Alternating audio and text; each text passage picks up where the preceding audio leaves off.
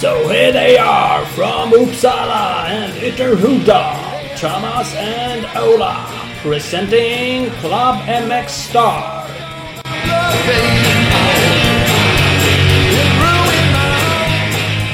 Så där ja, MX Star Podcast. Swish, swish, swish, swish, swish. Yes, swish, swish, swish, swish. Det kan man göra på nummer 123 592 4816. Precis, vilken magisk övergång det blev nu. Ja, det blev det. jävlar. Eh, Så att, eh, inga konstigheter. Nej, Eh, Det uppskattar vi. Vi tackar för Ja. det. Jag, jag brukar säga att jag vill inte outa dem som swishar. De swishar ju faktiskt med privata namn så det är inte helt självklart att de kanske vill bli outade med namn. Men vi får lite det swish. kanske är exakt det de vill. Kanske är Då det. kan, men man, det- då kan man skriva det, outa mig, break ja, it. Ja, vi gör det. För de skriver meddelanden ibland sådär lite bra avsnitt. Grattis till 100 avsnitt och lite sådana andra roliga saker. Här har ni en hundring, sluta spela in podcast. Det kan man också skicka. Eller som jag sa, det kostar typ så här två spänn på varje. Så skickar man en krona, då går vi back. Ja, exakt. Gör inte det. Det blir fel. Då, då kommer vi använda den där namnfunktionen till att åka hem och göra ett hembesök och spela in en podcast där. Då är det- kom så här, 200 000 swish på en krona. Jävla taskigt. Ja, det vore ju faktiskt skittaskigt. Men, men, Ja, nej. Mm. Ja, och du bara sitter och föder folks elaka hjärnor med idéer. Ja, men det vore ju lite kul om någon gjorde det. En krona. Bara En krona, ja. Och skrev Ja. någonting. Kan inte bara, ni måste Ja. skriva någon motivering varför vi kassar. off. Ja, exakt. Ja, men gör vi något riktigt jävla platt fall då kan ni skicka en krona och förklara varför. Ja. Då kan vi böta en spänn för det. Jag, jag håller med. Det gör vi, det gör vi gärna. Yes, faktiskt så ska man också köpa en Club MX Star-tröja. Och sån såg jag en eh, förra helgen. Så någon hade gått och köpt den på www.printemotor.com mxstar. Mm. Då blir jag fan lycklig ända in i själen. Det vore ju faktiskt kul för där har vi en sida som, eh, ja, de helt enkelt printmotorar ju fram dem när man väl har beställt dem. Exakt så. Och det är inte alls för att vi eh, har så stor avans på de kläderna utan det är mest bara för att spread the word. Det är ju så jävla glassigt. Ja, det är lite kul. Så Ja. att, eh, det får ni gärna göra. Vi blir, ja, vi blir inte så rika på dem heller. De går vi inte back på så ni kan inte blåsa oss på det sättet. Nej, faktiskt. Men eh, Ja, ja, mest jag, att det jag, är kul. jag kan inte heller lova, men jag skulle mycket väl kunna tänka mig att det är typ någon sorts ligggaranti om man har en sån på typ Uddevalla VM eller något sånt där. Ja, det är det garanterat. Ja, faktiskt. Det är fan inte otroligt. Inte med oss då förstås, men, men någon ställer säkert upp. Ja, vad fan. Om inte annat är det värt att testa. Ja, precis. Bara det. Ni tröja. swish, swisha in och berätta sen om upplevelsen? Swisha en spänn. Vad fan fick runka kvällen? Jävla skit. fan! Typiskt. Ja, så här. Ja, det är hårda bud. Ja, Hörru, vi har också med oss ett gäng eh, partners. mm, faktiskt. Eh. Hårda bud i Mellerud tänkte jag. Och då så tänkte jag min övergång var att i Mellerud ligger inte Marin och Fritid. Nej, Nej, men så här är det. Men vi har Marin och Fritid med oss. Det har vi faktiskt. Vart ligger Och de? Ja, vart ligger de? De ligger både i Karlstad och Laxå och Åmål och Örebro. Ja. De har omstartat nu med ny regi och nya ombyggda lokaler inför 2018. Så en av Sveriges största båt och mc-handlare är de. De har butiker i som sagt Karlstad, Laxå, Åmål och Örebro. De har en KTM-shop i Örebro och Husqvarna Corner i Laxå. Samarbetar med de största märkena och leverantörerna inom branschen. Och vart du än befinner dig i Sverige, nybörjare till professionell, välkommen att kontakta Marina Fritids butiker idag. www.marinfritid.com eller marinfritid på Instagram. Ja, då ska man kolla in. Kan man åka till butiken i Örebro och snacka lite med Niklas Hallafors? Han Exakt, ge kör en high five. Det kan man göra. Han kör ju massa international races. Han var ju Ulle, vet jag inte, Ullevål va? Norge var han och körde någonting här nyligen. Mm. Fråga varför han har en suite på 10 brutna race med bara massa konstigheter. det kan du fråga. Då kanske han blir ledsen. Och- Nej, men ledsen, ja. jag vill veta varför. Jag vill veta vad som har hänt. Massa Ja, jävla tok. ja, ja. Fråga han och så swishar ni svaret sen. Men jag ska inte till Örebro, så någon annan kan väl göra det. Ja, precis. Det får man göra. Mm. Hörru, Big Balls MX har vi med oss också. Mm, Det är ju den värstaste värstingbutiken som finns i, Av alla i Växjö. av alla i Växjö. Eh, som säljer Suzuki och eh, gasgas. Succa såg jag de en hel hög med kartonger och nya hojar på vägen. Ja, vad väl. Eh, och så då åker man dit köper en hoj och så passar man på att köpa lite nya kläder också. Eh, Det kan man slå till på Fox eller Shift eh, grejer. Så kan man också om man eh, är lite wild and crazy matcha upp det med deras egna racetröja. Look pro, go slow. Den hade Big Balls MX Jannis när han körde grekiska mästerskapet i helgen såg jag. Det är grymt. Kolla in Så borde, så borde vi alla ha en. Det borde vi faktiskt. Jag älskar Mm. den sloganen. Den passar mig. Www.bigballsmx.com eh, och följ dem på Instagram, bigballsmx. Look redneck, go slow. Mm. Även så har vi med oss EMX Racing. EMX Racing representerar ett 30-tal varumärken, däribland Recluse Motorsports. Håll i nu, för nu kommer det gå fort. Alla Helmets, Galfer, Dirt Freak, Zeta Racing, DRC Products, Vortex, Twinner, Enduro Engineering, Guts Racing, Motion Pro, MX Tech, TM Designworks med flera. Snyggt. Det där var en rekord. www.emx.se eller emx-racing på Instagram. Kan man lägga till Patrik Erlandsson på Twitter kan ni ställa massa frågor om alla de där varumärkena till honom. Ja, framförallt. Och och enduro Honder med krokiga svingar. Ja, Det ja har han svart bälte i. jag har en son som inte kan köra i skogen. Han kan köra i skogen. Han kör helt magiskt fort i skogen fast det är jävligt dyrt. Ja, ja, kom inte så långt. Men, men. Nej, han, han var ju och körde race eh, första gången nu i helgen. Första typ varvet kom han in, då han, då han brutit av kopplingshandtaget. Andra varvet krökte han svingen. Tredje varvet, fan nu gick det bra. Det var bara en fotpinne borta. Det är lugnt ju. Det är perfekt. EMX Racing har allt det där. Det är lugnt. Yes! Bara på med nya bitar. Det är grymt. Speed Equipment har också allt det där. Det är klart eh, bästa crossenduro-butiken i Västsverige. Eh, där ska man kolla in deras hemsida speedequipment.se och sen ska man också åka till butiken och kliva in och kolla in nya Showy-hjälmarna som finns där. Eh, all info som sagt på www.speedequipment.se och de finns även på Instagram SE Racing Sports. Jajamän. Där har vi ett gäng. Där har vi våra-. En del. Och en del kommer de att ta igen. Mm. De är vi Fan- stolta och glada över. Fantastiskt. Eh, Det är fantastiskt. Vi ska ju eh, ha med en gäst som heter Anders Eriksson idag. Mm, jag- det är vi också stolta och glada över. Och nu tror alla att de vet vem det är. Det, det gör de inte. Det är ju taskigt, Inte alla. lite taskigt mot då den Anders Eriksson som är med. Att man tänker på sjufaldiga världsmästaren i enduro, Anders Eriksson. Ja, faktiskt. Vi man borde tänka på den trefaldiga svenska mästaren i cross istället. Ja, det borde man göra. Ibland Eh, i alla fall. Ibland i alla fall. För det är ju mer stor-Anders vi har med oss idag. Eh, Mm, faktiskt. Och vad hade han? Vad sa vi? Fem raka SM-guld i backe. Ja, det hade han. Så att han Ja. var ju dominant på cross under 80-talet. Kört lag-VM i 584 och tagit brons och back. Så att eh, Vann ett GP 85 i Italien. Och... Ja, bland annat det där pratar vi om. Så det är ingen dussin snubbe direkt. Så att eh, jag vet inte, ska vi bara glida över och ringa Stor-Anders? ja jag tycker vi gör. Anders? Tjena! Hallå där! Tjena! Hur är läget? Bara bra, tack. Ja, Själv då? vad skönt. Ja, men det är bara fint med oss. Ja, Det är fint, fint. ja Vi eh, kanon. hoppar över fotbollen tänkte jag men den kanske är klar nu. Det var någon Englandsmatch. Jag hörde den på radio, den startade då. Men vi som är crossåkare och Ah. kanske inte är så intresserade av fotboll. Ja, men jag kollar faktiskt på Sverige-matchen idag. Ja, det var rätt så kul. Mm. Vad bra. Det är, Det är ju eh, världens största sport så att man kan väl lägga lite tid på det. man kan engagera sig lite. Ja, då, för fasiken. det, det finns ju ganska mycket människor som lägger ut då det här till världens mesigaste sport också. Så lägger man ett klipp Ja, som då. jämför den med, med cross. Och de är ju på sätt och vis lite Ja. roliga och lite sanning om man har hållit på med det. Sen behöver man kanske inte dra det sådär långt. Jag är ingen superfotbollsfan, men mästerskap är ju skitkul att kolla på som ett exempel. Ja, och givetvis är det VM så vill man gärna kolla lite grann. Ann- Annars så kvittar det. Ja, ja jag gör klart. inte heller det. Ja. ja. Eh, Men så är det. Vad, vad gör du annars då? Är det, vi får gå in lite på, på vem du är. Anders Eriksson, det namnet känner ju ganska många igen. Ja, det finns ju två stycken då. En enduro-snubbe och eh, så finns det jag då som har sysslat med cross. Precis. Eh, ja, Va, har vi du kört, bor ju i eh, Tibro. ja. Jag bor i Tibro. Jajamän. Och han med. Så han kallas väl för Lill-Anders? Är det för att du är lite äldre än han? Ja, det är väl så. Han är Lill-Anders och jag är Stor-Anders. Jag var väl bättre liksom från början och då fick vi skilja oss lite grann. Sen kom han och vart bättre eh, efterhand då. Ja. Så att eh, då vart jag Stor-Anders och han Lill-Anders. Ja. Det är ju praktiskt. Vi märkte det nu när vi skulle researcha. Att vad fan, det är inte helt lätt att, att finna just den killen man söker. Nej, precis. Eh, sen det jag sysslar med var ju så länge sedan så att eh, det finns inte så mycket fakta om det idag. Nej, men det är ju inte lika mycket och eftersom då Lill-Anders är så vansinnigt aktiv i medievärlden så dyker det upp mycket grejer på honom när man söker. Och man Ja. försöker sortera på Svemo och så bara, "Ha, nej men det har ju han också varit med i.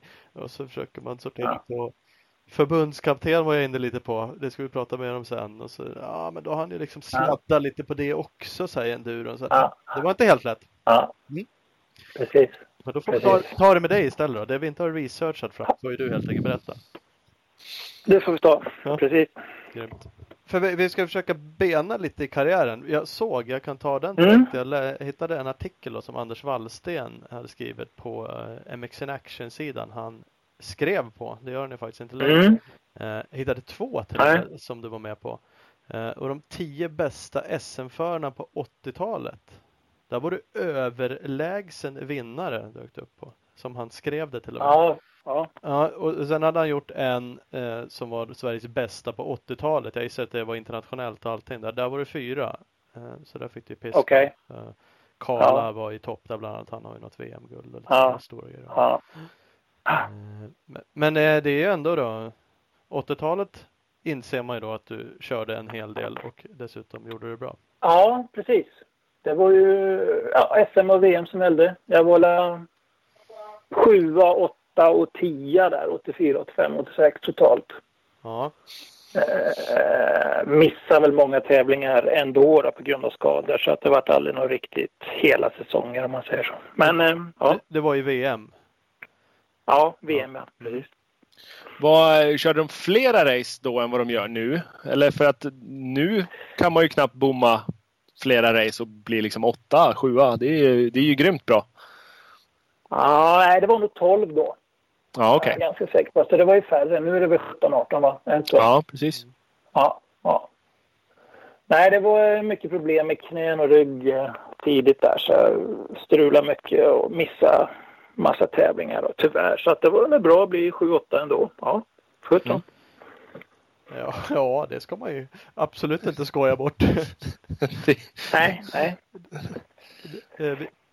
Vi, kommer kanske in på det mer sen också, men jämför man med idag då, där man vill ha svenskarna, skulle man ju bli väldigt glad om någon var total sjua. Eh, det Ja, har vi Och det har väl änd- ändrats lite grann. Nej, det är lite synd. De halkar efter lite mer och mer för varenda år som går tycker jag. Jag vet inte riktigt vad det beror på men. Nej, har du ingen analys? Vad är felet? Nej, jag vet inte. Jag vet inte. Jag tror att vi, vi har ju en väldigt kort säsong här uppe jämfört med sydeuropeer. Och, vi har ju kanske fem, sex månader vi kan åka aktivt. Mm. På min tid, då, då åkte man fem, sex månader, kanske även där nere. Liksom man tränar inte mer tror jag. Men sen kom man väl på det efterhand att vi kan ju åka hela året och bli bättre. Och, och det kan inte vi göra här hemma. Då är det lite svårt att hänga med. Jag tror det är en stor grej.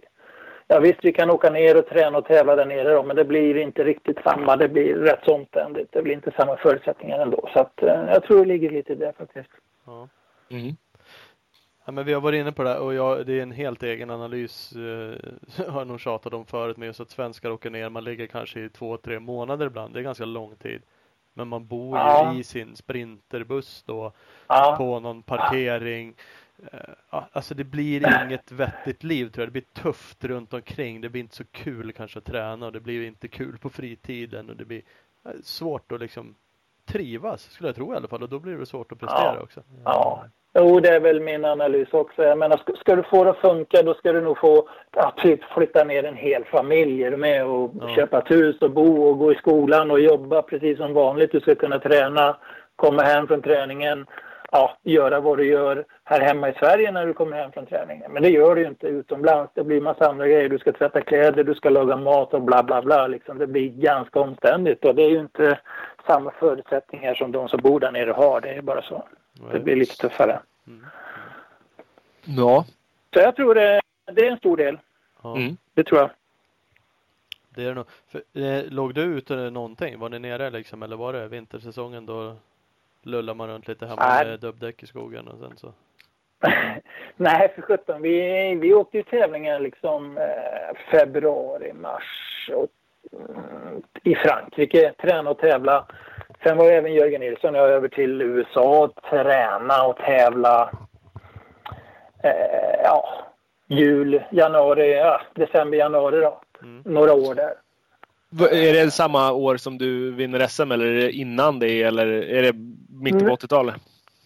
Det är väl mitten på 80-talet, 80-talet då när det gick- som bäst, 84, 85, 86. Mm. När jag var hel och fräsch. Ja. Eh, Så då låg vi ute i kappsäck och körde tävling och så. Det regnade för det mesta. Man fick liksom samla ihop grejerna efter racet i en stor plastsäck och, och tvätta och greja en hel vecka efteråt. Så att, eh, ja, det var tufft. Men eh, tycker man det är roligt så funkar det. det men eh, som sagt, att hålla på så år efter år efter år då, ja, då blir det jobbigt. Det tycker jag. Mm. Ja, men, eh, ja, men så, så är det såklart. Om vi går tillbaks Ja. lite på din karriär. Ola gjorde en liten research här eh, och då JSM-guld 125 80. Var det där det började någonstans Mm. eller vad, hur såg det ut innan där? Fanns det något karriär på knatte och sånt där också eller hur var det för er? Det var ju 50 kubik innan då som Mm. jag, eh, ja, jag var trea, tvåa, etta i RM som det hette då. då. Mm. Eh, året innan vann, och 79 kanske det var som jag vann RM 50 kubik och sen vart det väl eh, JSM-vinst i 125 och 250 1980 kan jag tänka mig. Ja, du vann JSM både i 125 och 250. Jajamän, det var det. JSM var ju en serie på sex tävlingar kommer jag ihåg och där vann jag väl alla hit tror jag. Eh, sen vart det ju bara en sån här kul grej att åka JSM 250 då som var en endaste deltävling. Liksom right. hösten och den lyckades jag vinna också utan att ha kört 250 innan så att eh, det var ju skitroligt. Var du supertalang då eller tränade du mer än alla andra eller hur liksom kom det sig att så pass bra resultat tidigt? Vinna alla hit första året på JSM är ju, det är ju grymt. Ja, på något sätt var jag nog någon slags talang tror jag. Det är klart man tränar ju mycket. Det är väl en talang att kunna träna mycket också och tycka det är roligt. Men eh, jag hade ju väldigt lätt för mig i, i Ja. början där. Det hade jag. Bra känsla och bra teknik och, och sådär tidigt liksom. Ja, det satt liksom där utan att behöva träna på det. Utan det var bara naturligt att sätta sig på en motorcykel och göra det bra för min del. Det, så det, det var lätt. Det var det. Mm. Sen så kom det ju givetvis när man körde JSM åren efter där så man var ju tvungen att lägga på lite fys då. Och det var ju också roligt och, och lätt för mig. Men om, tycker man det inte är roligt så är, så är det svårt att ta sig till den, ta, ta sig an den biten. Men jag tyckte det var kul att jobba med den biten också så att um, då rullar det på ännu bättre efter det. För, för sen får man ju lov att säga att du har haft en rätt jämn hög nivå då. Minst sagt. För som sagt 80 var vi där. 81 vet jag för sig inte vad du gjorde. Det hittar vi inga resultat på. Så då kanske du hade en, en dipp. Nej, men då... Jag vet 80, då körde jag även sista SM-deltävlingen i eh, 125. Och då var jag och fyra i de heaten. Jag vet Ja. eh, Jeff Nilsson var ju kung då. Han åkte ju lite VM och sådär och var väl 7-8 i VM totalt. Eh, sen året efter så åkte jag SM-serien 125. Blev nog fyra där. Hade okej. väl blivit bättre om det inte hade varit massa sjukdomar och, och skit eh, då. Jag vet, Ja. jag, jag tror jag vann de tre första heaten. Allting spöa Jeffen då som, som var liksom topp 10 i VM. Då kom jag som 17-åring typ och åkte ifrån honom. Så det gick ju väldigt bra i början då. Men sen som sagt det vart lite sjukdomar där så att satte lite stopp. Där. Fick backa tillbaka lite grann. Ja. För sen drar det ju liksom iväg med SM-silver 125, 82, SM-silver 250, 83 och sen tre raka guld i 250, 84, 85, 86. Brons 87. Om, om vi har Och- fått allt rätt. ja, jag har inte riktigt koll. Jag tror att det var ett silver. Jag tror att det var ett silver efter de där tre gulden, men jag är inte säker. Nej. Ett silver och sen ett brons. Eh, kan det vara så? Ja. Det är inte så här superlätt att hitta så optimala resultatlistor och totallistor Nej. från den här tiden. Precis. Man får kontakta Jonas Hagren. Han har rätt så bra koll, på det här om man vill ha koll. Han har lite pejl. Han Ja. kan säkert återberätta säsongerna. ja. Eh, Men, men då är, oavsett om vi har det exakt rätt så är det ju en extremt hög eh, standard på det där. Och Tre raka guld i 250 det är ju ändå rätt så imponerande. Ja, det var väl så. eh, 500 var ju givetvis störst. Ja. Eh, Men, men under de här åren så började det nästan växla lite grann. Att, jag menar internationellt i alla fall att eh, liksom 250 varvtider börjar bli bättre än 500 varvtider. Är du med? Ja. Eh, det börjar ändras lite grann då man börjar fatta att det kanske inte var så många hästkrafter som gällde i en hoj utan lite lättare, smidigare och bättre gång i motorn som det gick att åka fort med. Så att eh, det, det börjar nog då att ändras lite grann. Jag menar innan så var det ju Karlqvist, Malherbe och de här grabbarna som var kungar men eh, sen så eh, började det nog bli lite 250 killar som åker fortast eh, under den här eran. 85, 86, 87, 88 där. Mm. För då, men då när du vinner SM-gulden 84, 85, 86 så är det ju Jörgen Nilsson är ju med på pallen två av åren. och Peter Hansson, Peter Johansson är med där.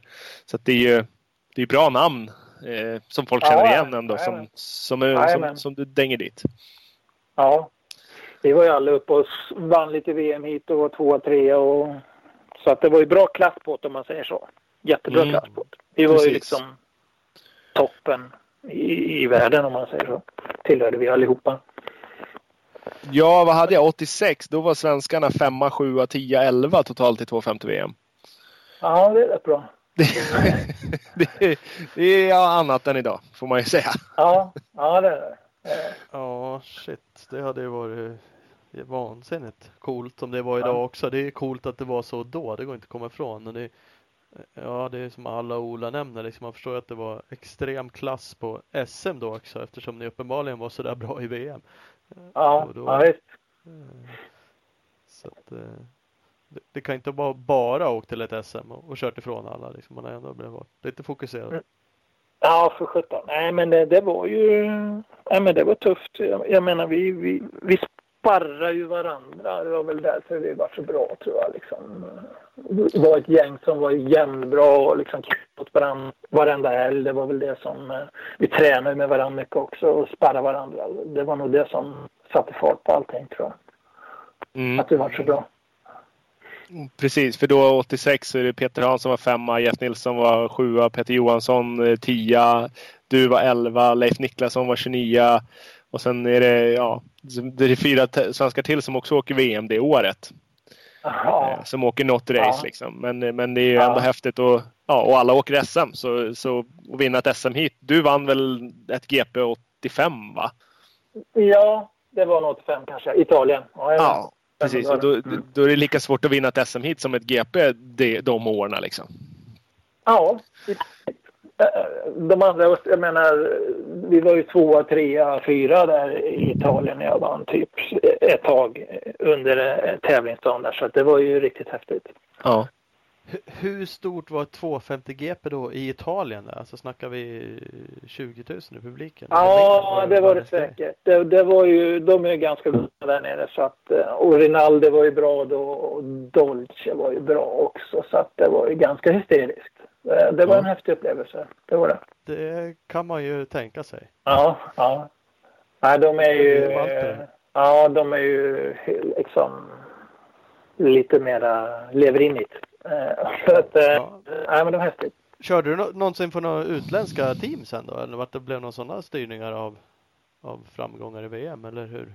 Jag körde ju från Yamaha Japan där 85, eh, 86. Vart det ju.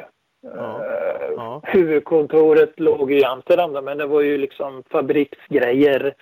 Inte rena, renodlade hojar men det var ju liksom delar och mekaniker och allting gick ju via Japan. Så att, eh, ja, så var det. Det är ju rätt så factory får man ju säga då. Ja, det, det var factory. Ja, men helt klart. Hade, Men- men hade drev- man den uppbackningen på SM med då eller eh, var det liksom, då fick du åka din stockbike som du hade köpt själv eller hur, hur funkade det på SM? -erna?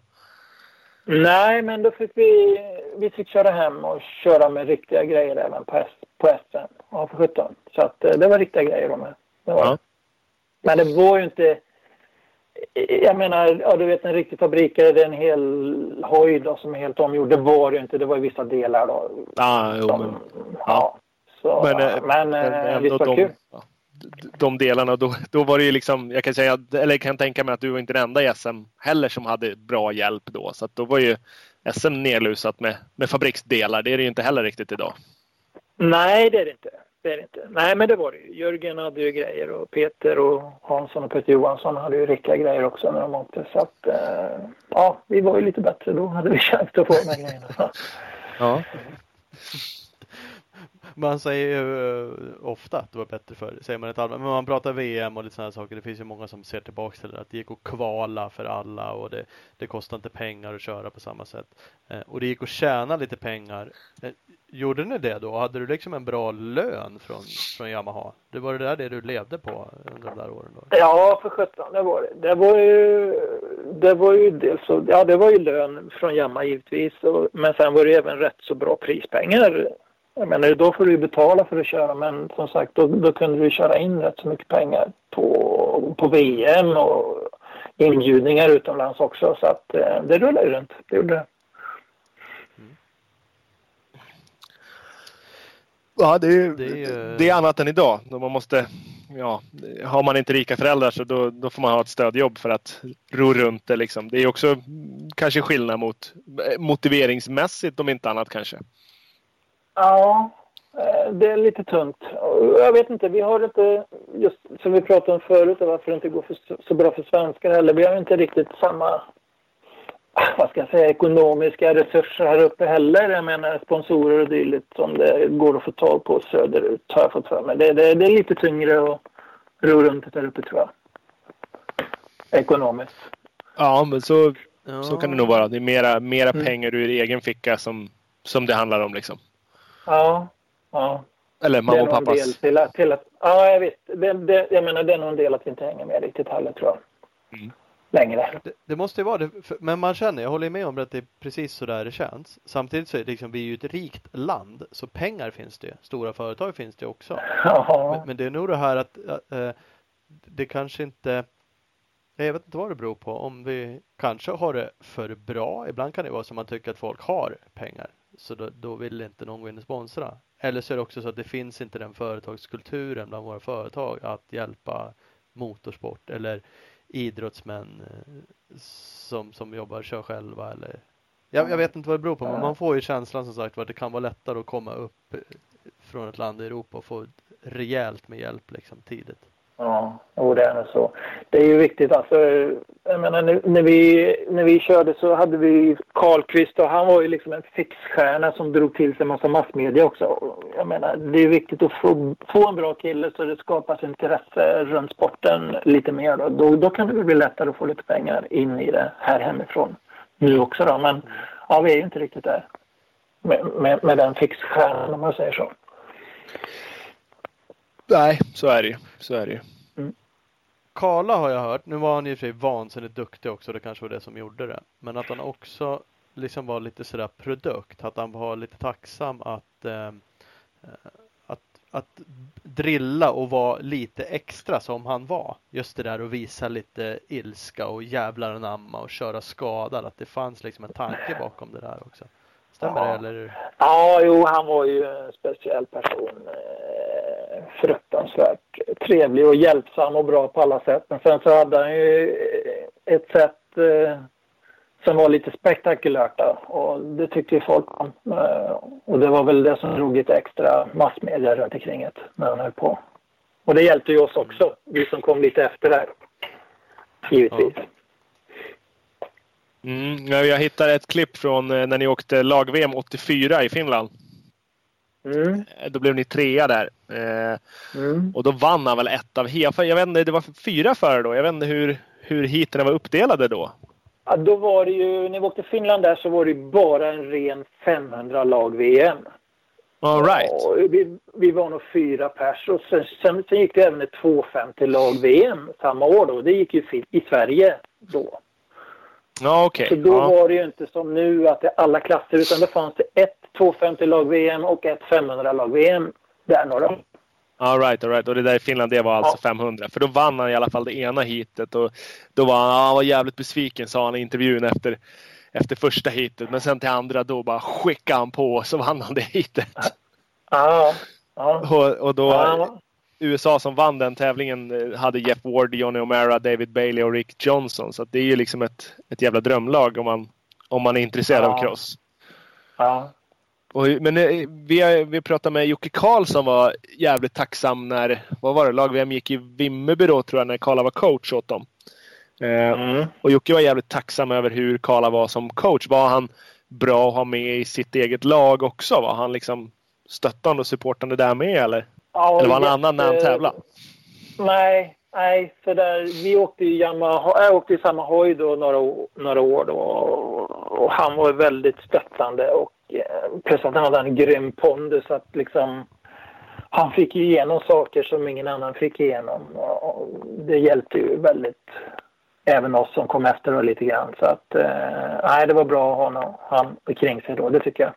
Var det grej på hojen liksom? Ringde han någon japan bara, slog näven i bordet riktigt jävla hårt nu, nu skickar ni bara en, en ram som ser ut så här. Det är nu. kunde väl vara så, men, men, men runt omkring med tävlingar och liksom organisatörer, liksom internationella tävlingar och få kontakter med sånt folk så kunde han nog hjälpa in en så att vi fick vara med och tävla på ett ganska tidigt stadium innan vi liksom hade blivit bra om man säger så. Det, Ja. det var bra. Det var riktigt bra. Ja, men jag har förstått det också. Jag tror det var eh, eh, Gesson jag pratade med, Gustafsson. Mm. Han måste ha kört under lite samma tid bara. Ja, Och, och lite det här att ni körde mycket i Frankrike och att det var ju folk där, svenskar som var nere och körde som inte var sådär superduktiga egentligen. Men hade Ja. också lite startersättningar för att vara där och köra. Och det var, det var liksom en, en grej att ni som svenskar var nere och drog race där nere. Ja, det var lite kult faktiskt. Och, nej, men det var många som körde och liksom, det var många som mer eller mindre levde på det där. Kanske även innan min era om man säger så, så var det många som åkte utomlands mycket. Det fanns ju mycket tävlingar varenda helg liksom. Och de kunde ju köra in lite prispengar och det var startpengar och det var lite annorlunda. Det var riktigt roligt tycker jag. Man kunde göra så. Ja. Jag vet inte hur Ja, mycket det- det, existerar idag utav de här internationella tävlingarna. Jag tror det är rätt så dåligt faktiskt. Det känns som att det finns några stora liksom i början Ja. av säsongen men det, det känns inte som det är några pengar. Det är så här Park i England och de kör någonting nere i Frankrike och, Mm. eh, och italienska mästerskapet är ju tidigt men, men det känns absolut inte som att någon har startersättning eller inga jätteprispengar. Nej, nej. I alla fall inte någon av svenskarna. Hurlings har väl säkert deg för att komma dit och åka men eh, det är på en annan Ja. nivå nu för tiden. Ja, ja. Jo, det har blivit lite annorlunda. Det är ja, lite synd, tycker jag. Det är ju så, men, men ibland har ju saker sin tid. Jag kan tänka mig när ni körde race, det man har hört i Frankrike, att det var vansinnigt mycket publik. Det var liksom en grej. Folk åkte till crossbanan, satt där och eh, drack vin. Käka baguetter. Ja. Ja, jo, men det var en lite så faktiskt. Det var lite kult faktiskt. Och, ja, men idag kan du titta på, på tv istället och sitta hemma och glo. Det, det, det har väl tagit bort lite av publiken skulle jag tro. Ja men det är väl det och då finns det såklart inga pengar. Det är ingen som vill arrangera ett race där när det inte kommer någon folk. Och, så att man får ju Nej. förstå det också. Ja. Det är nog inte bara liksom. Nej, det har nog blivit dåligt. Men det är synd. Ja, ja visst var det det. Det, det, det låter liksom jävligt härligt när man Ja. hör dig och andra som körde den där tiden, liksom, som åkte runt. Och, Och Det är ju den här tiden som... ja, Jag menar, kollar man, går man in på internet och kollar på lite race och kollar från ja, 80-talet där Malherbe och Karla de här liksom och man ser den här mur där eh, fullt med folk runt. Det, det är ju liksom... Det är ju häftigt jämfört med dagens cross Ja. tycker jag. Ja, liksom, ja. eh, folket står som banmarkering i princip runt hela banan. Det, det är manligt tycker jag. ja, nu ska de sitta på någon eh, betongläktare på assen och, och ja, Ja, helst, helst inte bli blöta om det regnar liksom. ja, ja precis. Det där är ju en jävla balans för jag tycker också att det ser så jävla coolt ut när folk står så där nära och bara liksom hänger och vrålar och är ute. Mm. Samtidigt som det såklart är ju en högst vettig säkerhetsåtgärd att folk inte står typ på banan. Ja, det är väl inte så vettigt. Alla, idag skulle det inte vara så bra för det går rätt så mycket fortare idag också. Så att eh, hopp, hopp, hoppa lite längre och sådär. Så att eh, det är nog rätt så bra att det har blivit lite avstånd till publiken i och för sig. Reklam! Det är det man vill ha mest av allt. Opus Bilprovning. Från och med 20 maj är det nya besiktningsregler. Var inte orolig. Du behöver inte veta mer än att Opus Bilprovning har en fantastisk hemsida och app. Slå in ditt regnummer så får du besiktningsperiod direkt och kan såklart även boka en besiktningstid www.opusbilprovning.se Grymt! Helgöppet konstaterar jag. Jag var ute och övningskörde med Marielle. Åkte förbi Mm. Opus i Uppsala. Pass på! Mhm. Det är inte dåligt. Eh, Den får man på hemsidan där. Eh, Vi har också med oss Scott. Eh, Har du en familj som kanske förhoppningsvis är rädd om dig eller kanske börjar själv tänka på säkerheten. Då kan man ju kolla in Scotts alla skydd för de har allt du behöver. eh, Bland annat bröstplattor, ryggskydd, knäskydd, skyddsvästar. Nya 550-hjälmen har ju Mips-teknik Eh, och mycket, mycket mer. Allting hittar du på www.skott-sports.se och passa också på att följa dem på Facebook på Skottsport Sverige. Jajamän! Husqvarna! Missa inte! För nu har 2019 års klädkollektion för juniorerna släppts. Kolla in den på hemsidan och kontakta din Husqvarna återförsäljare för att köpa upp grejer. Det lär ju kottarna ha bara. www.husqvarna-motorcycles.com eller som eh, man kan tänka Husqvarna Motorcycle Scandinavia på Instagram. Enkelt. Sjukt coola grejer Solklart. de, de har. Det går inte att komma Mm. Man skulle egentligen vilja köpa ett av allt. Allt. En av allt. En av allt. Även juniorgrejer. Ja. Samla på. Eh, så är det. Eh, Speedstore har vi också med oss. Det är Sveriges grymmaste Husqvarna-butik i Valbo utanför Gävle. Eh, nya fantastiska hemsidan är precis lanserad på www.speedstore.nu. Eh, där har du möjlighet att på ett enkelt sätt söka bland sprängskisser för alla Husqvarna-modeller och årsmodeller långt bak i tiden. Eh, och självklart lägga en beställning direkt på hemsidan. Så letar du efter någonting, kolla in det www.speedstore.nu. Eh, Följ dem på Instagram, speed-store. Nu kör vi vidare med gäst. Det gör vi. Lite så är det ju. Ja. Men som sagt, det tar ju bort lite. Man Ja. älskar ju de där gamla klipperna. Det är, Ja. Ja, och just de häftiga. den Namur som du nämnde är ju så jävla coolt. När man ser en helt sjuk bana, liksom med runda träd mitt i banan. Och, Ja, men så var det ju ofta. Kanske inte runda träd, men det var ju mycket upp och ner slänter och eh, naturligt om man säger så. Då, va. Så att eh, det var lite annorlunda. Eh, synd att det har försvunnit. Det var, det var bättre cross då tycker jag. På så sätt. Ja, hur, eh, hur var det liksom? Om, jag, om man kollar på en gammal film så, där, så tycker man ju när man ser banan att fan den ser, den ser liksom hålig och trasig ut om man kollar på hur hojarna beter sig. Men så jämför man med, med Nationals som gick i helgen där det är Mm. bara hur jävla djupa spår som helst och, och det hade inte ni för det, det, det funkar inte. Alltså era hojar, eller jag vet inte, de gjorde inte ordning banorna så pass. En, en hård bana den var stenhård. Och så blev det några kanter men den, var det mera viktigt med era bikar att ha bra spårval och hitta liksom släta ställen sådär? Eller drog alla i groparna som de mer eller mindre gör nu? Det är några få som har spårval nu för tiden. Ja, det är ju väldigt mycket mer fysiskt nu och som sagt de harvar i banor och vattnar och det blir spår som är två, tre decimeter djupa. Ja, det, det går liksom inte att välja spår på samma sätt. Det går så oerhört fort idag också. Jag tror inte du hinner välja spår. Förr i tiden så var det mycket spårval. Banorna var ju stenhårda. När du kom fram till en sväng så fick du liksom svänga och kanske växla ner. i- Är du med och feldoserat? Eh, Det existerar inte idag längre. Det är nästan bara en vall eller ett djupt spår att dra i. Så att eh, det var, Ja. jag tycker det är mer... Det är lite en, en annan sport idag. Det var mer tekniskt Ja, eh, men förr i känns tiden det. tycker jag. Att man- Nu är det liksom lite mer fysiskt istället. Då. Man kunde nästan komma längre på att vara jävligt händig på att åka motorcykel för. Det var såklart fortfarande Ja. jobbigt då, men nu är det liksom Ja, bara blodsmak i munnen i, från Ja. grindsläpp liksom. det, det var det nog då med i och Ja, i och för sig. Jo, det, det var det också. Ja. Men, ja, du, du förstår hur jag menar. Att det, var, det gick Ja, att leva mer på teknik då än vad det gör nu. Ja, det gjorde det. Helt klart. Jag tycker det är lite synd. Eh, Det är återigen då, det var bättre för på det sättet med tycker jag. Ja, ja men faktiskt. Men skulle det funka idag då? Och tänk dig då ett VM idag på en Betong, ja, hård.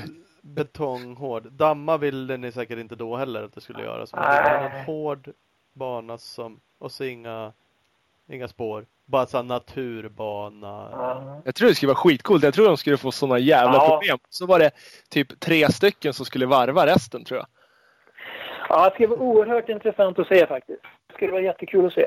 Jag vet inte, om man tittar på Nationals i år nu då, det ser ut som de inte håller på och harvar och vattnar riktigt lika mycket har jag fått för mig. Det är lite hårdare, eller? Vad tycker du? Jag har fått för mig att de Ja, det var väl egentligen bara helgens eh, high point som, som var riktigt så djup. Annars så har de väl... Ja, de tre hur? innan har ju varit hårdare och ja, min, ja, mindre djupa spår och sådär. Och, ja.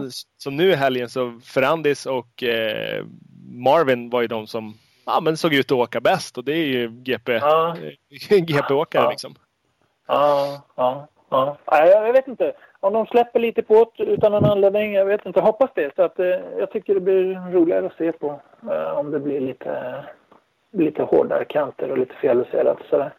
Ja, ja men absolut. Det, det tycker jag. Men annars är det liksom eh, Hangtown vissa år. Då har det varit djupa jävla spår hela rakerna. Så här, Ja. åtta stycken i bredd. Det är bara att välja ett och dra Ja. för att alla åker Ja. lika fort Ja. idag. Ja. Sen, sen när det blir de här spåren och den här skiten också, det, det är ju, skaderisken ökar ju också väldigt mycket. Det ser man ju också på statistiken och att det är många som är skadade. Jag tror det har mycket med barn, barnkaraktärer att göra också. Att du har de här djupa spåren som ja, du fastnar i och Precis, och det går att dra så in i helvete i dem. Så ja, det gick liksom inte på samma sätt när det var dammhalt runt en feldoserad böj utan vall. Då, då var det bara nej, finlira. Det, gick inte, det blev inga fyra Ja. fullt krascher i en sån kurva. nej, nej precis. Så att, eh, ja, det, det jag tycker jag är lite synd också, just det där med skador. Att eh, just det där med harvar och grejer, det, det går så oerhört fort hela tiden. Och har du inte ett djupspår på inne så har du en stor vall på ytten. Det är liksom bara att hålla ner det. Mm. Och det är klart, går det lite fel då, då blir det riktigt fel och då slår det. Det är så. Ja. Men eh, GP då? Följer du GP-serien också och kollar på racen och så eller? Ja då, för sjutton. Ja, men där har de väl också gått lite mer åt där, mera preppade banor, lite mjukare, mera spårigare hållet än vad det var förut. Ja, det har det väl gjort. När, när liksom, men bara inte, man behöver inte så, gå så jävla långt tillbaks. Men när Everts åkte fortfarande så var det ju vissa riktiga hårdbanor. De är ju Ja. inte, inte på samma sätt längre. Nej, nej, men de har väl efterapat jänkarna och det är ju så det ska vara idag så att eh, då har det blivit så här hemma också. De blev frånåkta på så så. många lag-VM så de kände Ja. att man, vi måste göra någonting. Ja, ja, men precis. Jo, men det är nog så. Ja. Det är ju synd, variation är ju kul. Men jag, jag tycker också att de riktiga hårdbanorna är ju borta både. Sen känns det som att USA de senaste åren i alla fall, kanske inte lika mycket i år, har ju liksom gjort alla sina banor likadana. Exakt lika harvade, exakt lika. Materialet är liksom identiskt. Och så är inte riktigt VM. Där, där är det ändå mer olika bantyper. Ja, det är det. Jo, Eh, eh, Även om de också går emot mer det och går emot mer tillfälligt uppbyggda banor. Det blir ju väldigt speciellt när man kör. Det blir ju sönderkört eh, som regel. Det går ju liksom inte att komma ifrån. Det, Och byggt mer på platten Ja. liksom. Det blir ju sådana banor oftast. Och vilket är ju ja, ganska tråkigt kan man ju tycka. ja, det tycker jag med. Det är synd. Väldigt synd. Som sagt, eh, kör på en gammal gräsgärde någon gång väl, eller något sådär. Och bara, som det var förr i tiden. Nej, men det skulle nog uppskatta. Framförallt från förare, tror jag. Det tror jag. mm. Ska, Ja, ska vara kul att se. ja det vore kul någon, om någon klämde in några sådana också. Som sagt variationen liksom, Ja. då, då visar det ju också lite mer att man är en helhetsförare om du kan köra all Ja. underlag. Och, Ja. ja, det går ju liksom lite mer åt staden håller till eh, även utomhus då. Kan man väl säga också. De är hopp och sen harvat då. Det, ja, eh, de tycker kanske om det. Jag vet inte. Jag, jag förstår inte riktigt grejen med det ärligt talat. Det gör jag inte. Men... Det Hoppen är Det är också bara- ju, hopperna spårar ju också ur och blir en, egentligen bara en jävla skaderisk när det ska vara ryttsektioner och det ska vara uppförstrappor som är herrejösses långa och platåhopp och Ja. allt möjligt. Ja. Så att, Ja. eh, ja. Eller så kanske vi börjar bli Ja, gamla det- bara. Vi börjar nog bli... Jag börjar definitivt bli gammal, men det låter som du också börjar bli gammal. Men, det ja, börjar, börjar bli så. ja. Ja, det, är- det är väl det värsta. När man drar fram det här, det var bättre förkortet Ja. lite för ofta. Då börjar man liksom ana oråd. Ja.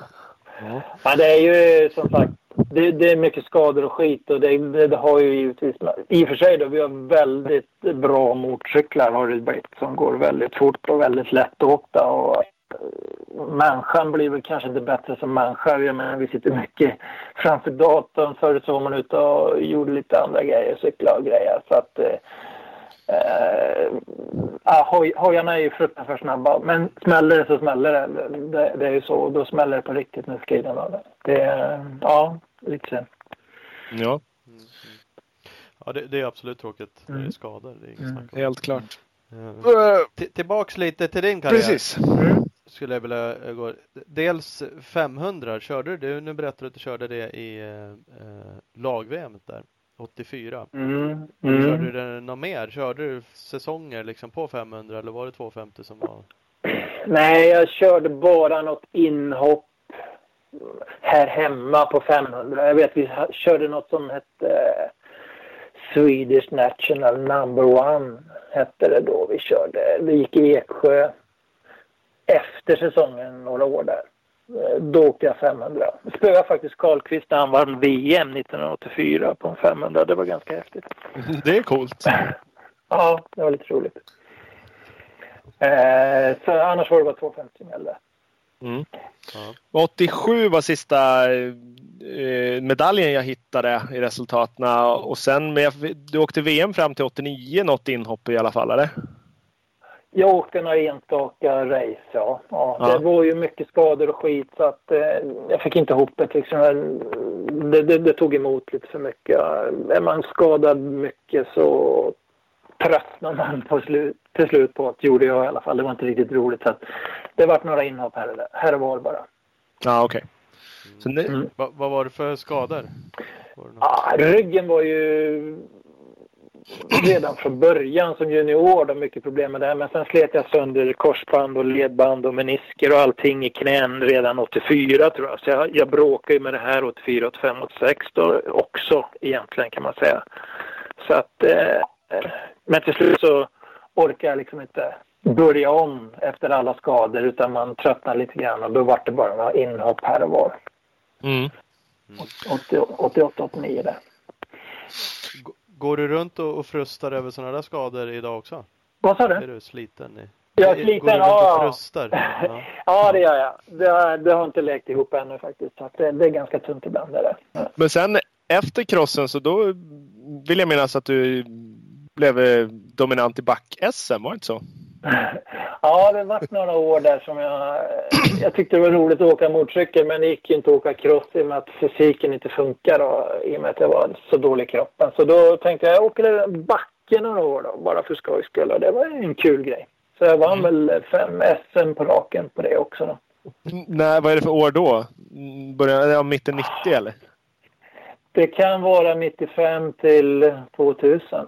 Ja, okej. Någon, någonstans där. Ja. Ja. Jag åkte väl, jag menar, jag åkte även i ett elitserie och serie och sånt där. Så vann, vi vann väl med Tibro eh, lag-SM också då fem år på raken tror jag. Mm, Efter min aktiva karriär. Jag åkte ju precis som motionär kan jag säga, men jag åkte i det här elitserielaget då. Okej. Utan att träna eller någonting. Så det, det, det i kombination med backe då var väl några år där. Rullade runt lite grann. Men när du tävlade aktivt, åkte du för Södertälje? Du är från Södertälje från början, eller? Mm, jajamän. Sen, Sen, sen, hamnade du i Tibro? sen flyttade jag ner till Tibro. Jajamän. Eh, 88, 89 någon gång så. Ja, okej. okej. Ja, du ser. Och sen eh, efter back, då bara lagde du på hyllan när du slutade åka backe, eller? Ja, det gjorde jag. Det var väl mera tränarbiten som tog över då, kan man säga. Eh, Så, så, så det, liksom, det var ju även i backe att man eh, hade ont i kroppen och bara komma på en hoj så då, dålig var jag liksom ett tag. Så att, eh, jag, jag sa det när jag åkte backe, jag ska försöka vinna ett, ett SM och då gjorde jag det. När jag hade gjort det då tänkte jag jag tar, ska försöka vinna tre SM och då, då blev det så. Sen tänkte jag nu skiter jag i det här. Men sen så kom jag ihåg veckan innan första SM när jag hade året efter och tänkte äh, jag ska försöka vinna fem och då köpte jag en begagnad Kava, tio år gammal hoj och åkte på den och så vart det fem år på raken. Så det var lite roligt. Ja, om man inte åkte SM i backe och hette något annat än Anders Eriksson. Ja, det var lite. Ja. Du verkar ju onekligen vara, ha liksom en talang. Det, det sa du i början också. För, för det har man ju om man lyckas göra sådär och ganska sent hoppa på. Kör du någonting Ja. överhuvudtaget taget idag? Vad, vad om du skulle hoppa på en hoj idag? och låt säga att du inte skulle ha ont i kroppen. Skulle det sitta i för dig då? Det skulle det nog göra. SM kanske? Nej, det skulle det inte göra. Men det skulle nog gå rätt bra. Om man hade en fem timmar i sadeln, då skulle det nog gå bra efter ett tag. Men ja. det blir aldrig fem timmar i sadeln för jag får så ont i kroppen så att jag tröttnar på det innan dess. ja. ja.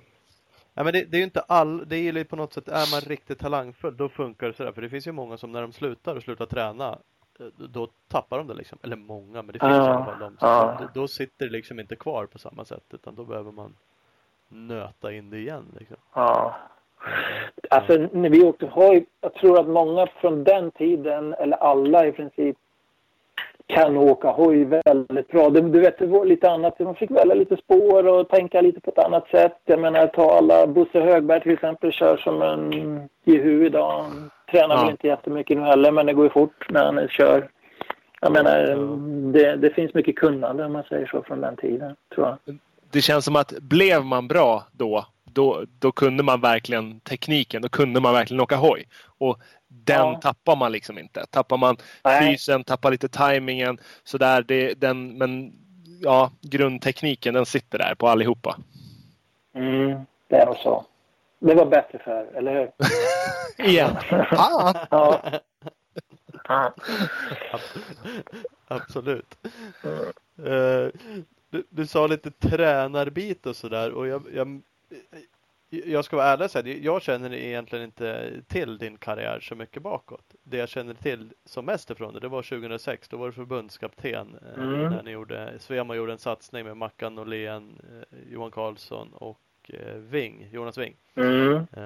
Och så försökte jag googla lite på det och då såg jag åtminstone en artikel från 2003 redan att du var förbundskapten då också.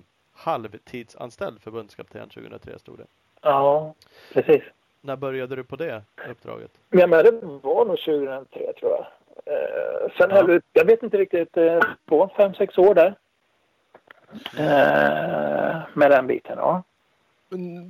06 då hade jag stora äran att få skjutsa runt dig runt halva Europa. Mm, du åkte med i våran, våran buss då. Vi har meckat åt Mackan. Mm. Men eh, mm. Var, var det sista året eller fortsätter du efter 07? För den satsningen som, som gick in, gick in och gjordes då, den var ju jättestor. Det var ju presskonferenser och det var ju hej och hå, inom ja. fem år ska minst en, minst en svensk vara topp fem i världen. Och så ja. bara rann det ut i sanden kändes det som. Vad, ja. har du med, vad hände egentligen? För jag, jag hoppade av efter halvåret för då var ju pengarna slut. Men vad, liksom, vad hände med själva satsningen? För att sen, ja, sen var det över.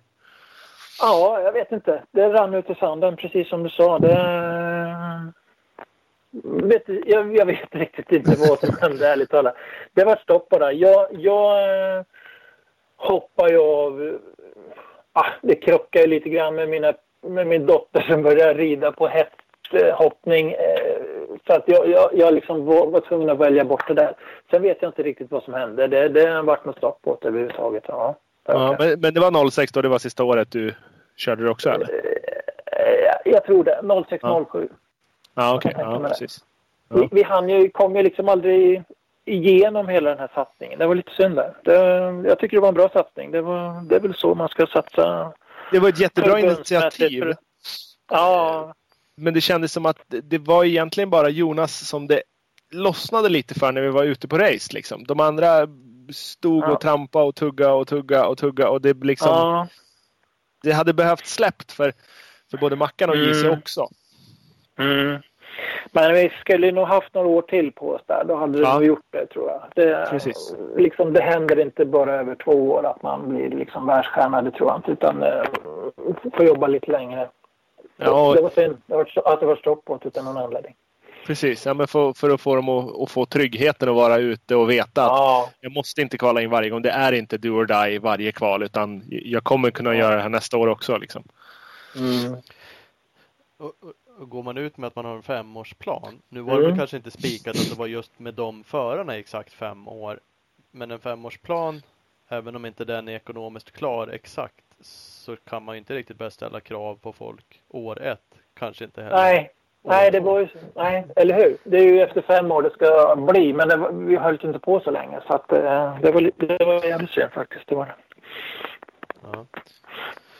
Men, men, men, innan då, för som sagt halvtidsanställd, var det så? Du var, var du avlönad liksom halvtid kan man säga av förbundet då för att vara förbundsordförande? Mm. Jajamän. Mm. Jajamän. Mm. Uh, för artikeln var från Kristianstadsbladet, då var ni nere i Ripa och det var lite så att, nej men här samlas vi, här kör, kör vi liksom tränar mycket ihop. Det har du tagit mm. upp redan lite att det, det fanns ett sånt tänk liksom att köra. Mm. Mm. Toppen kör ihop för att mm. Var det så upplägget var? Att ni, ni hade liksom träningar ihop eller vad var rollen? Vart, vart ville du? Ja, alltså min roll var ju dels att ha hand om de här elitkillarna då och träna dem då så att vi, vi körde ju tillsammans mycket både utomlands. På inter då, hade, då fanns det lite internationella tävlingar som vi åkte tillsammans och tränade i samband med det då givetvis. Sen var det ju även eh, fysbiten kontaktade man ju då specialister runt om i hela Sverige som killarna fick det bästa för dem själva om man säger så. Då, va? Eh, sen var det även mental träning. Vi hade tester på Bosön, hade ett riktigt proffsigt upplägg på allting tycker jag. Precis så som det ska vara. Så det, det, det, var en bra grej. Jag menar ingen konstig grej. Jag menar så gör ju alla förbund. Jag menar skidor, eh, orientering, vad som helst. Eh, så att eh, det var ju ganska naturligt egentligen. Som sagt, jag vet inte hur det är idag. om de jobbar efter något liknande. Jag har ingen aning. Nej, jag ska egentligen inte heller sitta och säga exakt hur de gör. Jag, jag tror inte de har någon som kanske har lika stor roll som dig då, som jobbar halvtid med det som ett exempel. Det finns ju elitgrupper, jag vet att man är lite på Bosön, eh, man försöker ha läger ihop. Ja. Jag upplever lite att det är svårt att få dit förarna. Man Aha. arrangerar sådana här läger ibland. Okay. Toppen kommer liksom inte och då försvinner ju lite Halva meningen med, med att ha läger. Ja, det känner man ju. Ja. Eh. Men det är lite min upplevelse. Jag har inte ja. riktigt... Ja, jag kan tänka mig. Eller i och för sig, jag menar de bästa då, de kanske inte bor hemma. Jag vet inte, Gole, de här grabbarna, de kanske bor utomlands. Det kanske är svårt att få ihop det på så sätt. Då var vi liksom en trupp, om man säger så, som, som åkte runt. Är du med? Det var kanske samma som när jag blev bra. Då var vi några stycken som tränade och tävlade tillsammans. Eh, det var väl det jag ville få fram när vi höll på med de här åren med Johan och Mackan och Ving. Att vi skulle vara tillsammans och sparra varandra. Jag tror att det är ganska lätt sätt att nå framgång och liksom ha någon att kriga med på varenda träningspass. Eh, det var väl den grejen jag var ute efter mycket. Eh, det är nog det som gäller, det tror jag. Ja, vi har ju en för, förkärlek för att tjata om det där också, jag och Ola, att vi tycker att de ska träna mer ihop. Ja, Antingen okay. är det där något, det var, det var bättre förr tänk att vi börjar bli gamla. Nej, men det, det är så är enkelt, så det är logiskt. Det är... Ja, nej, men titta på killarna i USA, jänkarna där, Baker och de här grabbarna, de kör ju samma koncept och det är de som blir, blir bra, eller hur? De tränar ju tillsammans, mot varandra eller med varandra, du får kalla det vad du vill, men de är på samma ställe och drar mot varandra. Det, det ger ju resultat resultat. Ja, kolla i, i Sverige på endurosidan. Kommer man från Karlskoga eller Skövdetrakten, ja. ja, då har man ja. chans att bli bra i enduro. Ja. Kommer du från eh, Uppsala, ja, inte lika stor chans. Inte riktigt lika många bra att dra med. Kommer du från eh, ja, alltså någon annan liten ort som, där ingen annan åker enduro, nej, då, då, är du, då har du sämre mm. odds i alla fall. Ja, det är ju så. Det är så, helt klart. Så. Men eh, ja, det efter det sen då, sen blev det inga, inga mera uppdrag eh, inom SEMO? Nej, sen har det väl eh, trillat tillbaka lite grann. Eh, börjar väl bli lite intresse nu igen för min del. Jag har varit ute på något läger nu och hjälpt till Jesper Börjesson faktiskt, ett enduroläger här på, med Team Väst. Som, eftersom du pratar enduro nu så har jag varit ute lite på sånt. Och, Ja, men det börjar väl eh, glöda lite grann. Jag vet inte om, vi, om det är något som man ska ta upp igen. Det, grabben kör ja. lite grann så att eh, jag är ute någon gång i veckan i alla fall och får lite grus i dörrarna. Så att, eh, ja, men hur, hur, hur är det liksom... Ja, men hur är det att stå ja, men som Johan Karlsson, utan, utan att vara sån så är inte han den mest tekniska åkaren. Han kör ju mer på, på full gas. Och hur jobbigt är det att stå bredvid han, när han åker på en bana och du vet att, men kom igen, gör så här eller ge mig hojjäveln ska jag visa dig hur man gör liksom. Uh, är det svårt att få med dem och få dem att fatta ibland eller? Nej, men Johan var ju... Nej, det var inte svårt att fatta. Fast han, han ville alltid lite mer. Är du med? Så att det Ja, kunde bli ja. lite dumma saker ibland. Ja. Ja. Eh, Sen, sen hade, den som hade bäst förutsättningar då, det var kanske Jonas Ring. För han hade ju även intresset att jobba med fysiken. Han tyckte det var kul. Är du med? Ja, det precis. kanske inte Johan hade på det sättet riktigt. Och i Mackan eh, gjorde väl det. Men ja, kanske inte på samma sätt som Vingen då tycker jag. Nej, alltså kolla idag. V- vad gör de nu när de har slutat? Ving är ju riktigt grym mountainbikecyklist. Ja, Ja. ja. men. Och de andra två fäktar nog inte ihjäl sig eh, så mycket. i onödan. Nej, nej, jag har inte koll på det. Jag, jag vet att Ving... Eh, men eh, det sa, jag menar den, eh, den grejen att bli bra att åka mountainbike, den, den måste du ha även som crossåkare. Det intresset, är du med? Och, Ja, lägga ner det tiden på också. Och det, det hade han även då. Tyvärr så kraschade han ju och slog sig så att det vart väl inte riktigt som han ville. Nej, precis. Men hur känner du att du får, får med dig dina... Alltså det, för det är ju lite, lite lika din teknik du har att kunna lära ut för att folk ska bli snabbare i, i busken. så. Men du åkte aldrig någon enduro själv eller? Nej, inte direkt. Nej, inga race och På, så? vin- på vin, vintrarna givetvis eh, lite bara för tränings skull. Men eh, det vart väl några JSM väldigt tidigt då i och för sig. Eh, det vart det väl. Men eh, in, ingen stor satsning så. Nej. Nej. Det var cross som gällde. Nej, smart av Börjesson att leta upp det tycker jag. Ja, men det var kul. Riktigt kul. Det tycker jag. Hoppas det kanske blir någon fortsättning på det. Ja. Ja men absolut, det där har vi pratat med flera också som, som, som var duktiga för Peter Johansson. Sa det själv i alla fall. Sen om det stämmer fullt ut vet jag inte. Men han undrade Mm. varför inte fler frågar honom eh, Okej. rakt ut liksom. Om Mm. hjälp och sådana saker. Och, eh, det kan man ju känna. Visst, åren börjar gå. Så det var ju ett tag sedan ni, ni verkligen var på topp. Men ändå, det, det, det betyder ju inte att det inte finns massa kunskap och, och saker man man lite snabbare kan hoppa över och göra rätt teknikmässigt eller träningsmässigt eller eh, upplägg runt omkring. Ja. Så ibland kan man ju känna att det är väldigt individuellt. Man ska göra exakt samma misstag allihopa liksom, istället för att lära av varandra. Ja, det är lite onödigt, helt klart. Nej, sen, sen just det här med enduron där, det är ju... Det börjar väl gå lite mer åt cross till också, bitvis va? Är det Mm. inte så? Det går ju fort som fan. Och, men sen är det även eh, prov då, som är stockar och sten då, men eh, stockar och sten tycker jag det verkar som vi är rätt så bra på i Sverige. Sen vet jag inte om de här snabba partierna, om vi där tappar lite grann. Jag vet inte, jag har fått för mig det. Jag är inte så insatt i enduron riktigt internationellt, men Ja, men Där har du kanske lite mer traditionella crossbanor. Hårt Ja, dammigt ja. eh, specialprov Ja. liksom. Ja, jag tror det. Jag tror det. Ganska Naturligt. intressant faktiskt. Det, det finns så mycket från crossen att ta flytta över där till enduron tror jag. Ja, där kanske du verkligen har någonting för det, det stämmer ju som du säger, det är korta prov. Det är Mm. inte liksom lång, ja det är långa dagar men det är korta Mm. prov liksom. Så det är mer crosslikt liksom, Mm. tempot i det. Mm. Eh, och som sagt, kommer man ner i Europa så är det ofta, oftare på enduron det är hårt, dammigt, slaget, eh, kuperat liksom, Ja. naturterräng. Feldoserat och sådär. Så att, Ja, Ja. precis. ja, vi får se. Vi får väl hoppas då. Det är ju kul om du syns lite mer och coachar lite. Ja, vi får dessutom se. känner lite sug för dig själv. Så. Ja, jo då, det gör jag. Vi får se vad som händer i framtiden. Om det blir något mer. Ja, men gött! Fan, det är härligt att höra lite back in the days. Back stories, in the days. Ja, okej. Mm. är, är det hårt? Känns det jobbigt att höra det där? Nej. Nej, det är ju så. Det är ju back in the days. Ja. ja det är så. Helt klart. Det är det faktiskt. Ja. Det kommer, det kommer man liksom inte ifrån. Nej. nej, vi, vi, vi försöker ruska liv i er lite då och då så att, så att folk får höra Ja. de här snorisarna Ja. nu för tiden. Ja, veta kul. vad, vad ni grabbar gjorde för. Ja, det är kul. För sjutton. Ja men grymt. Vi får tacka för att vi fick eh, ringa och prata lite grann. Okej. Lite. Ja, ja, men det var roligt. Ja, nej, men stort tack så uh, hörs vi säkert igen. Det gör vi. Tack du ha. Ja, ha det bra. Hej, hej. Back in the days, Stor-Anders Eriksson. Mm. Det var grejer det. Ja. Där det hände. Stor-Anders, Lill-Anders. Ja det var som sagt det var svårt att, googla på en. Svårare i alla fall eftersom de uppenbarligen är två stycken som har haft bra karriärer med exakt samma namn. Eh, Faktiskt. Egentligen borde jag. Egentligen borde jag kunna alla de här storiesarna eftersom jag skjutsade runt han. Vi var till Spanien och Portugal och allt möjligt. Men nej, det var lite nyheter. Du har också dåligt minne. Ja, tydligen. tydligen. Ja, ja så är Så det. jävla härligt. Ja, ja, så kan det vara. Så kan det.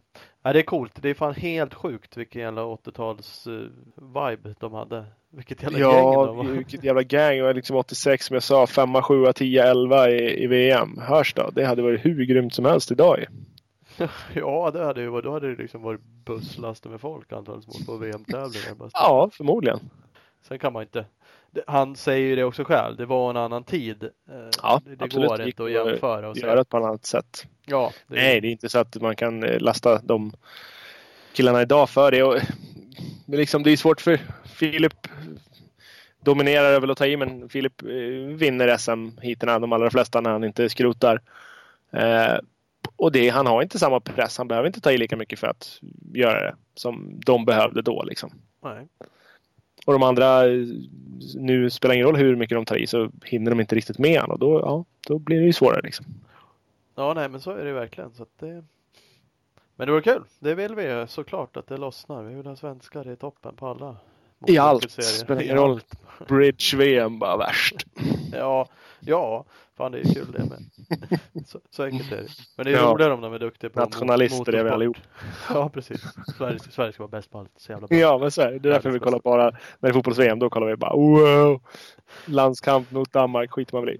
Då är det VM 94 tankar igen. Fan vi borde Ja, kunna exakt. liksom vara brons minst. Brons, det är inga problems. Det ska vara varmt som satan, sen är det klart. Ja, det är det. Ja, fy fan. Behöver- Och en Thomas i mål bara så är det lugnt. Mm, då, då, går allt lite halvflint. Ja, Thomas i mål och Thomas på topp. Det var ju för fan bara Thomas. Det var ju det som Det var ju Thomas 94 överallt. Ja, och en Kenneth. Ja, det var det. En lång jävla Kenneth, sen var det klart. Ja, så kan det vara. Yes! Eh, vi har ju lite sponsorer att tacka. Ja, det tycker jag. Och det ska vi göra. Vi har ju bland annat med oss Speed Equipment, din KTM Suzuki Honda-handlare i Vänersborg. Eh, då hittar ni all information på www.speedequipment.se och så kan man följa dem på Instagram på SE Racing Sports. Precis, och vi har skott. No shortcuts, inga genvägar. Så enkelt är det. www.skott-sports.se eller Skottsports Sverige på Facebook. Jojomän, jag drar en genväg direkt till Opus Bilprovning. Över 80 stationer i Sverige, från Kiruna i norr till Helsingborg i söder. www.opusbilprovning.se Ja, Husqvarna. Absolut värsta motocross-endurohojarna på marknaden. I Husqvarna Motorcycle Scandinavia på Instagram. Inte så långt och inte så krångligt, men där är det. Enkelt ju. Eh, Bioclean Bike Wash då, vår fantastiska Battle of Vikings sponsor. Eh, och det är inte bara det de gör bra, de gör ju också det klart bästa tvättmedlet till din cross enduro bike. Eh, kolla in dem på Facebook och gå också in på deras hemsida för där kan man beställa tvättmedlet eh, www.bikewash.se. Exakt. Hur den är på Battle Vikings så kommer vi göra renast hojar. Klart. Vi har Speedstore med oss. Bästa butiken i Valbo utanför Gävle. www.speedstore.nu eller speed-store på Instagram. Och vi har marin och fritid. Eh, dit ska man ju åka och så ska man snacka lite eh, Essex SX Only med eh, Niklas Hallafors. Han hänger väl i Örebro-butiken va? KTM-butiken. Jajamän. Eh, kolla också in www.marinfritid.com och följ dem på Instagram, marinfritid. Yes, och så har vi EMX. EMX Racing förser aktiva förare inom motocross enduro med kvalitetsprodukter via deras nordiska återförsäljare. Vår kunskap är vår styrka. www.emx.se. Där finns alla grejer. Eller emx-racing på Instagram. Jajamän, och vi har Big Balls MX, fantastiska butiken i Växjö. Big Balls MX Jannis var precis nere och körde de sista deltävlingen av grekiska mästerskapet. Kosen vann sitt 16 mästerskap vad jag förstod det. Han är Imponerande. Big Balls MX Han är dominant. Han är jävligt dominant i Grekland. Eh, kolla in www.bigballsmx.com och följ dem på Instagram, Big Balls MX. Yes! Då tar vi ikväll. Mm, ja, det gör vi. Bra. Hej då! Hej då!